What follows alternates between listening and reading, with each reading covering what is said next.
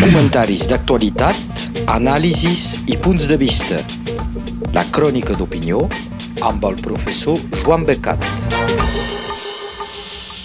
Joan Becat, eh, bon dia. Bon dia. Comencem eh, avui amb la política eh, estatal francesa, els republicans que deixen més espai lliure a Emmanuel Macron. Sí, l'evolució dels republicans cap a la dreta més extrema continua amb l'elecció d'Eric Ciotti, diputat dels Alts Marítims, a la presidència del partit.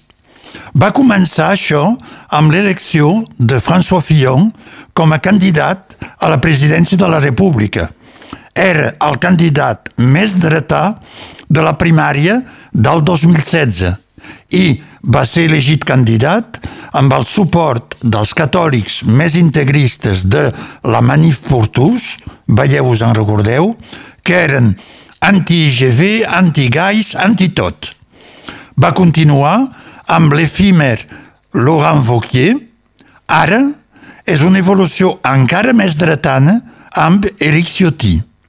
Mentrestant, el partit perdia adherents, passant de 150.000 fa 10 anys a 50.000 avui dia.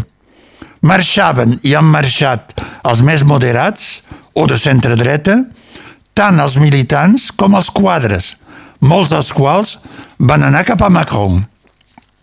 L'Eric Ciotti pot dir moltes, moltes gràcies a l'humorista Nicolas Cantelou, que el va posar gairebé cada dia durant temps en els seus minuts de gran audiència a les 9 de la nit a TF1. El va donar a conèixer a tothom, sense que el critiqués gaire, fin finalment, perquè fèiem només bromes sobre la seva talla, que és molt baixet, i el seu suposat enamorament de la presentadora també simpàtica Alessandra Sublit. El feia excessiu, però sobretot Eric Ciotti quedava simpàtic i de conviccions. Per tant, ja li pot donar gràcies. Les primeres de la dreta del 2016 i del 2022 són molt diferents, a més que l'una era per les presidencials i l'altra pel partit. Les ràdios i les televisions se fixen amb els percentatges obtinguts pels candidats, però el sistema i sobretot la base han canviat fins al punt que avui dia els republicans són un altre partit, que és l'ombra del que era fa 5 o 10 anys. Les primàries del 2016 eren de la dreta i del centre, és una primera diferència, amb candidats moderats i de totes les tendències de la dreta. A llavors, els republicans tenien 150.000 adherents, com hem dit, i van ser també primàries obertes i no tancades com ara, amb 4 milions i mig de votants. Amb l'evolució cap a la dreta més dura, molts militants han deixat el partit. Al juny del 2022, els republicans anunciaven exactament 48.500 militants. Us he dit 50.000. Per la primària d'aquest mes de desembre s'ha denunciat que els candidats havien inflat les adhesions a vigiles dels vots per aconseguir més suport, sobretot en el feu de l'Eric Ciotti, en la més pura tradició de la Quarta República i de les tendències socialistes eh, en els congressos de compromís. Qui ho diu, eh, com qui diu, eh, jo faig inscriure el meu gos, la meva veïna i el seu gat. Ara han anunciat 91.000 habitants, però això a mi no em quadra, perquè si ens basem en la diferència entre els dos candidats de diumenge, el Rotalló i el Ciotí, que eren un 8%, eh, això ens fa una base de, de 50.000 militants. Tothom sap que l'aritmètica la, electoral no és exactament la mateixa que, que la que ens ensenyen a l'escola. Per tant, la base de les primàries ha passat en sis anys de 4 milions passats a 50.000. Ciotti és legítim, evidentment, pel partit, però no té la mateixa representativitat. I ara, què faran els republicans i què farà l'Eric Ciotti? A les presidencials d'aquesta primavera, ell va tirar cap a la dreta la candidatura de Valérie Pécresse i va ser el més gros fracàs electoral de la història de la dreta, que té tant la Pécresse com ell mateix que la va orientar. Ara que és ell que mana, els electors el seguiran a les pròximes eleccions? A les presidencials recordem que l'Eric Ciotti s'havia dit més pròxim d'Eric Zemmour, entre Erics ja s'entenen, eh, que d'Emmanuel Macron. Si tira el seu partit sempre més a dreta, perdrà electors i elegits a l'altre cantó, moviment que ja ha començat a, a, a fer-se. L'Eric Ciotti ha anunciat que faria una oposició sistemàtica al govern i al, seu, i al president. Això significa que s'oposarà a les pròximes lleis de jubilació i sobre la immigració que se debatran aviat al Parlament? A llavors, és possible que alguns diputats republicans les votin malgrat tot, perquè, en efecte, aquestes lleis van en el mateix sentit que volien els republicans fins ara. Doncs que fa? Les aproves o s'hi oposa? Les votaran? Amb quin pretext? Bé, sempre n'hi han de pretext. Poden dir, per exemple, com el Jean-Luc Mélenchon, ell també oposat per sistema, que no n'hi ha prou, que cal més lluny. No sé si els electors republicans i els diputats ho entendran. A força d'anar cap a la dreta i sempre més a prop de l'extrema dreta, els republicans corren el perill de ser absorbits pel Rassemblement Nacional o de ser-ne unes tropes supletives. De fet, és el projecte de la Marina Le Pen. Ara té l'ajuda probable, ella, dels republicans, si apliquen el programa Ciotti. Ai, la vida és dura que els republicans, tan dura com els cals socialistes, que tenen el mateix problema, però ells amb la NUPES. I de la política a l'estat francès anem a Catalunya amb algunes notícies eh, per passar el temps, eh, però per començar amb les eh, primeres candidatures declarades a l'Ajuntament de Barcelona. Joan Becat. Sí, eh, ja se coneixen els noms dels principals candidats per les eleccions municipals a Barcelona el 2023, d'aquí pocs mesos. Sabem ja fa temps que l'Ada Colau torna a presentar-se. És la bellesa elegida, recordem, amb els vots de Manuel Valls. Els socialistes tornaran a presentar Jaume Collboni, primer adjunt actual. Pot ser desconegut, però és l'home que remena les cireres dins el cistell barceloní. Esquerra Republicana tornarà a presentar Ernest Maragall, que va arribar primer a les últimes eleccions i que va ser descartat per una coalició Colau, Collbona, Valls. Ara, Ernest Maragall té 79 anys. Fa uns dies s'ha declarat l'últim dels candidats que pot guanyar l'elecció, presentat per Junts. És Xavier Trias, el batlle anterior a l'Ada Colau, de 2011 a 2015, que és una persona molt coneguda i que havia donat satisfacció per la bona gestió a l'Ajuntament. Ell és més jovenet que l'Ernest Maragall perquè té només 76 anys. La curiositat és que, tot i sent el candidat de Junts, no ha presentat els sigles de Junts. Cap sigle. Vol ser el candidat eh, també del PDeCAT, és a dir, dels successors de Convergència, de la seva família d'origen. També crida els votants decebuts dels socialistes i d'Esquerra Republicana. És una mica com a les pel·lícules que coneixiu del retorn cap al passat.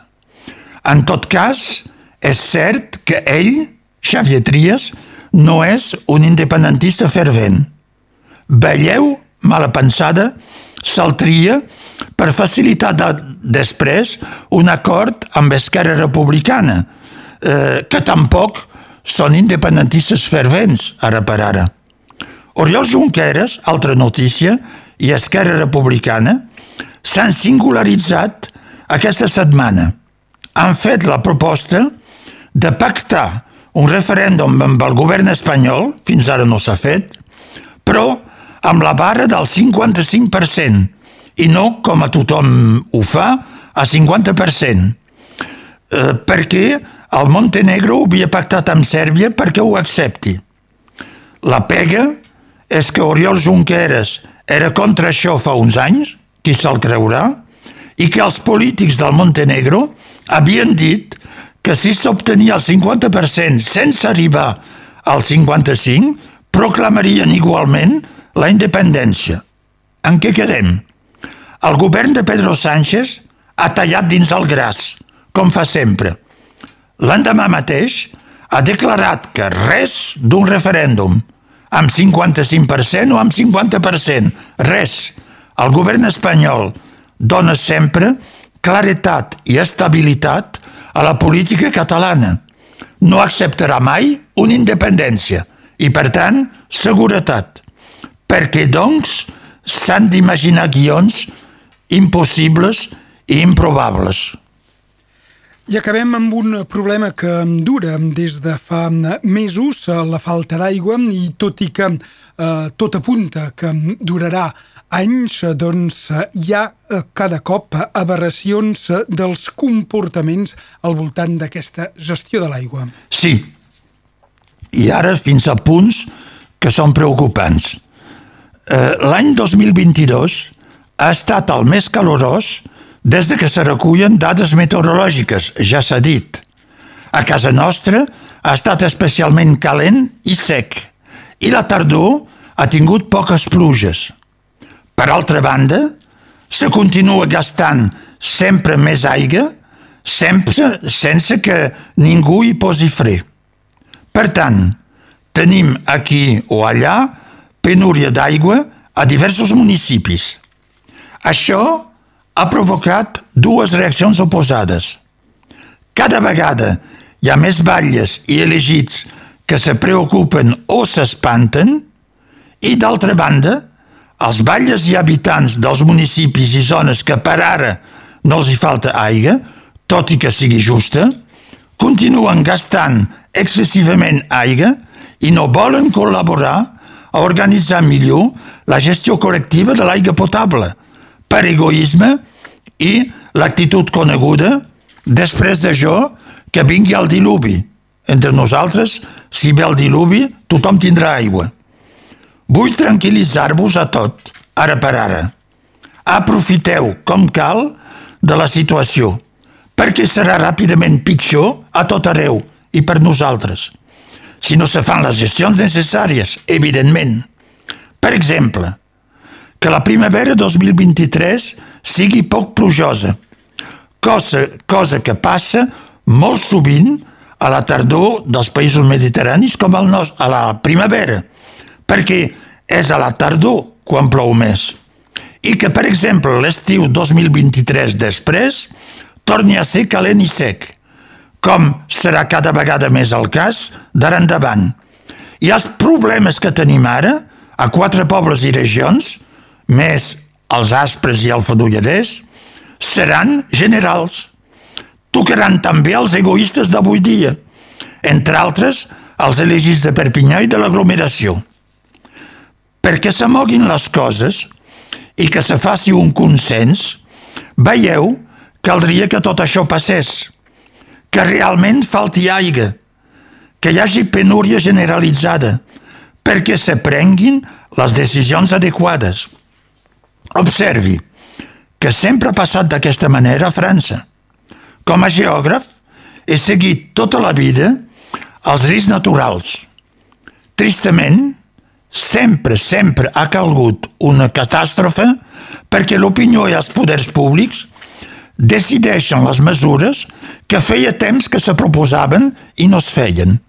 Per exemple, és quan al febrer del 1970 una llau de neu van portar un xalet que servia de colònia de vacances a Vall d'Isera, amb 39 joves adolescents morts, que se va decidir de fer mapes de llaus per determinar les zones de risc, per fer proteccions i per imposar normes de construcció de cases per a llaus. Un altre, la tempesta Cíntia, del febrer del 2010, va fer 52 morts, 29 dels quals a un poble de Vendée, la Faute-sur-Mer, un nom predestinat per construir urbanitzacions sota el nivell del mar amb dics pocs vigilats i no mantinguts que es van rebentar. És després que la reflexió i les accions sobre el litoral s'han ampliat i que ara s'han edictat noves normes. I ha calgut esperar la, tempe la tempesta Àlex del 2 d'octubre del 2020 a les valls de la Vesubí i de la Rojà, de la Rojà, amb 19 morts i desaparegut i destrosses enormes, perquè se millori la informació de la gent, els sistemes d'alerta i de previsions. Aquí n'hem parlat a Ràdio Arels fa ja 4 anys. Per la falta d'aigua, doncs jo crec que passarà igual. Mentre una gran part de la població no sigui afectada personalment, difícilment s'imposaran les solucions col·lectives de sentit comú, com de col·laborar en la gestió de l'aigua per optimitzar els recursos mentrestant. Com que el tema de l'aigua sempre ha fet part de les meves preocupacions, tant l'aigua sòlida, la neu, com l'aigua líquida, en excés, les inundacions i els aiguats, com la penúria d'aigua, és a dir, la gestió de les escassetats d'aigua per l'agricultura, la irrigació, exemple a casa nostra. Evidentment, tinc unes quantes observacions que us voldria fer compartir. Però crec que serà una altra setmana perquè avui no tindria temps. Gràcies, uh, Joan Becat. Uh, fins uh, dimarts vinent, doncs, i bones festes. Bon dia a totes i a tots i bon Nadal. Comentaris d'actualitat, anàlisis i punts de vista. La crònica d'opinió amb el professor Joan Becat.